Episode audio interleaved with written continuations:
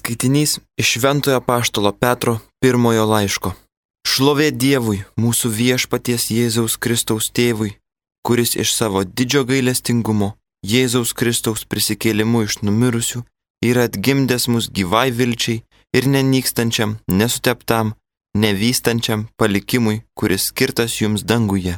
Jūs Dievo galybę ir sergsti tikėjimu išganimui, kuris parengtas apsireikšti paskutiniu metu. Tuomet jūs džiaugsitės, nors dabar ir reikia truputį paliudėti įvairiuose išmėginimuose. Taip jūsų nuoširdus tikėjimas, brangesnis už pragaištantį auksą, kuris ugnimi ištiriamas, bus pripažintas vertas pagirimo, šlovės bei pagarbos, kai apsireikš Jėzus Kristus.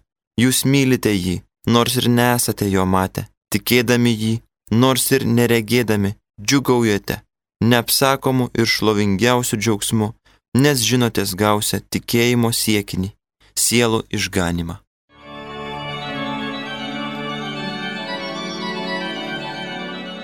Savo sandorą viešpats atmena amžiais. Jis gelbi savoje tautą, amžiams jo sandora sudaryta, jo vardas šventas ir širpulingas, viešpaties gyrius tvers amžiais. Savo sandorą viešpats atmena amžiais. Alleluja.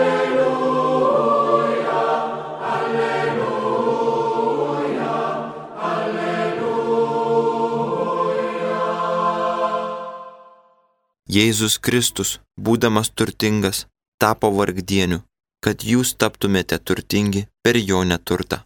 Alleluja, alleluja, alleluja.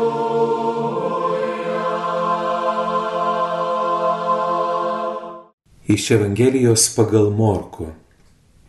Jėzui besirašant iškeliauti vienas žmogus pribėgęs puolė prieš jį ant kelių ir klausė. Gerasis mokytojau, ką turiu daryti, kad laimėčiau amžinai gyvenimą? Jėzus tarė, kam vadini mane geru? Niekas nėra geras, tik vienas Dievas. Žinai įsakymus, nežudyk, nesvetimauk, nevok, neteisingai neliudik, neapgaudinėk, gerb savo tėvą ir motiną Tas atsakė, mokytojau, aš viso to nuo pat jaunystės laikausi. Jėzus meiliai pažvelgė į jį ir pasakė, vieno dalyko tau trūksta. Eik, parduok visą, ką turi ir išdalyk vargšams. Taip įsigysi lobi danguje. Tada ateik ir sek paskui mane. Po šitų žodžių tasai apniuko ir nusiminęs pasitraukė nes turėjo daug turto.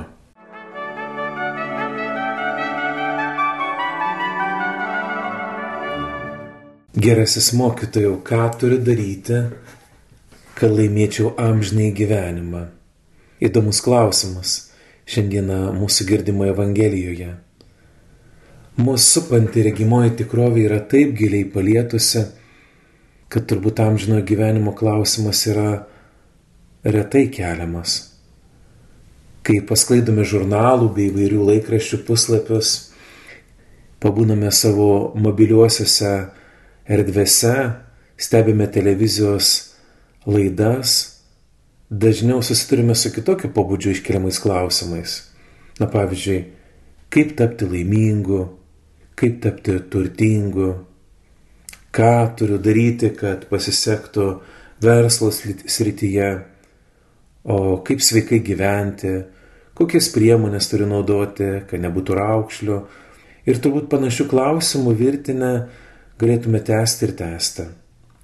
Ir šitie klausimai veža, atrodo, užkabina šiandieninius troškulius žmonėse esančius ir žmonės ieško atsakymų. Tad kyla klausimas, ar iš tiesų žmogui bėra aktuali amžinybės tema ir su jie susiję dalykai. Juk taip dažnai ir be šio klausimo mes turime daug kitų klausimų, kuriuos reikia čia ir dabar atsakyti. Mes kartais ir taip normaliai atrodo brendame per gyvenimą, labai sėkmingai rėmės karjeros ir sėkmės laiptais, tad kam tas keistai skambantis amžinybės klausimas. Amžinybė galbūt gali ir palaukti, o man reikia čia ir dabar gyventi. Man reikia čia ir dabar į kylančius gyvenimo rūpešius bei sunkumus, ar netgi susikurtas problemas ieškoti atsakymą. Nors žmogus bando savo širdies gelmes užpildyti daiktų ir malonumų įvairovę bei įvairiais ieškojimais, bet manau, kad šių ieškojimų bei iškelimų klausimų pagrindas vis dėlto yra amžinybės troškulės. Kai susidurime su situacijomis, kuriuose prieš tai mūsų ieškoti dalykai ir atrasti nebeduoda atsakymo, kuriuose nieko nebereiškia mūsų diplomai ar pasiekimai, mūsų finansinis stabilumas ar net įvairios pažintis, iškyla viso mūsų gyvenimo prasmės klausimas. O kam aš čia gyvenau, ką aš čia nuveikiau, ką aš čia po savęs palieku. Šiai būsenai nusakyti trūksta žodžių mano bet kurios kalbos žodynė ir ne todėl, kad žodynai būtų per maži, bet todėl, kad tai liečia giluminius žmogaus dalykus, ko kartais neįmanoma tik tai žodžiais įvardinti. Atsiveria tarytum beribė erdvė ir šioje erdvėje šitoje amžinybės erdvėje, kurioje aš ir tu esame, mes esame pakviesti būti. Tai amžinybės troškulys, kurioje susivienėme ir patiriame tikrai savo kūriniškumą ir be bejonės trapumą, pasijuntame kūriniais ir taip norėtųsi, kad pasijustume tais kūriniais kuriejo akivaizdoje. Argi tai nenustabu būti kurėjo akivaizdoje. Tad klausimas, ką turėčiau daryti, kad laimėčiau amžinai gyvenimą, kai kalbame apie amžinai gyvenimą, esame kurėjo akiratyje. Ir džiaugiuosi Evangelijoje minimu žmogumi, kuris pribėgęs prie Jėzaus puolės jam po kojų paklausė, ką turiu daryti, kad laimėčiau amžinai gyvenimą. Jis iškėlė klausimą, su kuriuo kiekvienas anksčiau ir vėliau susitiksime Jis iškėlė klausimą, kurio širdis, sakyčiau, glūdi kiekviename iš mūsų, tik kartais vadinamojo intensyvaus gyvenimo bei daiktų, pažinčių ar išorinių malonumų dulkėmis ar plėve yra tiesiog uždengtas, užtrauktas, užvakuotas. Kieno tai darbas? Be bejonės. Piktasis į tai taip pat yra įsivėlęs. Tai jo darbas atitraukti mūsų žvilgsnius ir mintis nuo svarbiausių dalykų. Ir mes kartais irgi užkliūname ir tampame piktojo bendrininkai šitoje srityje. Mūsų minimas žmogus Evangelijoje šiek tiek Jėzaus savotiškai buvo atvesintas, kai pateikė klausimą. Ir į klausimą Jėzus taip pat atsako klausimu. Šis klausimas kviečia susimastyti, kas yra tie tavo vadinamieji gėriai, kas iš tiesų yra geras. Ir Jėzus paprastai kalba, kam vadini mane geru? Niekas nėra geras, tik vienas Dievas.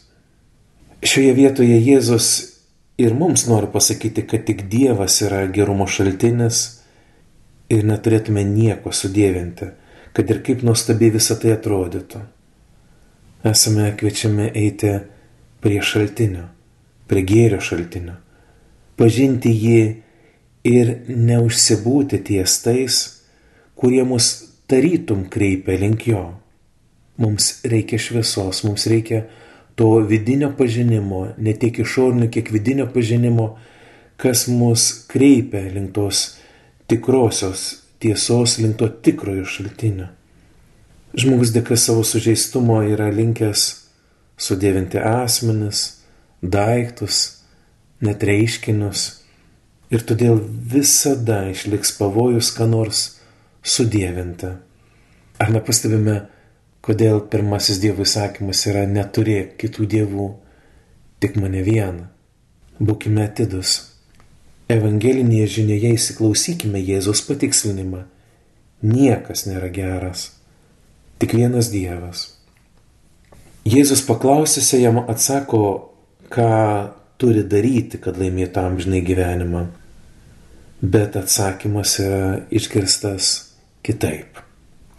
Matote, net išgirsti atsakymą mums reikia brandos, mums reikia įsiklausimo. Sakyčiau, klausyti kaip ir kalbėti yra menas. Mes dažnai iškeliame klausimus, o ar iš tiesų norime išgirsti atsakymą? Ar už klausimų nesislepia noras, kad kitas bandytų atspėti, ką aš galvoju, kokia mano nuomonė? Ar iš tiesų klausdamas noriu kitą išgirsti, o gal tik tai savo nuomonės patvirtinimą? Taigi klausyti, kaip ir sakiau, taip pat yra menas. Ir be abejonės mes galime išoriškai atrodyti labai protingi, užduodami klausimus, tokius filosofinius, egzistencinius ir taip toliau ir taip toliau. O gal net šiam laikmečiui sakyčiau madingus ir mūsų išoriniam įvaizdžiui formuoti naudingus klausimus. Tačiau klausdami ieškosime tik mūsų atitinkančio atsakymo. Norėsime girdėti tik tai tai, prie ko mes pripratę esame, bet ar iš tiesų norėsime išgirsti tiesą? Nes pati tiesa pranoksta mus pačius ir mūsų įsivaizdavimus, o ar mes norime pranokti save, ar mes norime pasilikti tik ties savimi. Manau, šiandieną klausydami manęs galėtume tiek retoriškai, tiek ironiškai užduoti klausimą, bet kunigi Rolandai, o kam šiandieną rūpi ta tavo vadinamoji tiesa? Kad tu iš Marso nusileidai? Nu, jokingai gal atrodai, kalbėdamas čia apie tiesą. Bandyčiau atsakyti gal labai paprastai. Jei niekam nebūtų rūpėjęs tiesos klausimas, tai manęs ir tavęs galbūt čia jau nebebūtų. Ir aš manau, kad yra tų, kuriems tai rūpi. Ir kad kaip keistai benuskambėtų, tu ir aš, taigi mes visi esame pakviesti į tiesos ieškojimo kelią. Nes tik tiesa, kad ir kokia jie skaudi arba nepatogi bebūtų, tik jie duoda gyvenimo prasme kurioje amžybės klausimui visada atsiranda vieta. Ir tik ieškančiam tiesos atsiveria amžinybė. Tas, kuris neieško tiesos, pasilieka tik ties tai, kas yra. Ir be abejo, nes krikščionybė nesusideda iš žodžių rinkinėlio, ko neturiu daryti, bet pirmiausia, ką turiu daryti. Ką turiu daryti. Jaunuolis, kaip pastebi Evangelija, po Jėzaus ištartų žodžių pasitraukė, apniukęs ir nusiminęs, nes turėjo daug turto. Tiesa, jis nebuvo nei vagis, nei melagis, jis pats mums sakė, kad gerbė savo tėvą ir motiną, nežudo, nesvetimauja. Ir brangiai mažas topas. Ir neturto turėjimas jame pažadino nusiminimą ir pasitraukimą nuo Jėzaus. Neturtas bet nenoras dalintis. Pasilikimas tik tai su savimi ir tik tai savo. Ir kaip svarbu išgirsti, kaip svarbu klausytis ir klausyti širties ausimis.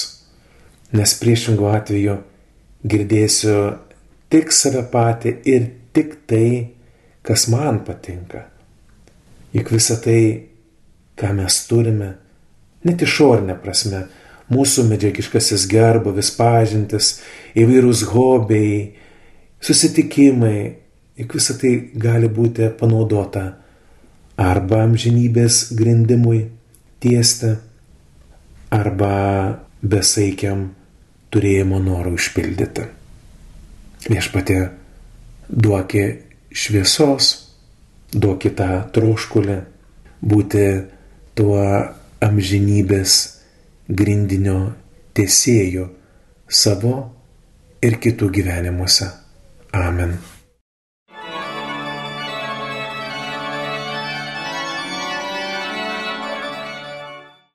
Homilija sakė kunigas Rolandas Karpavičius.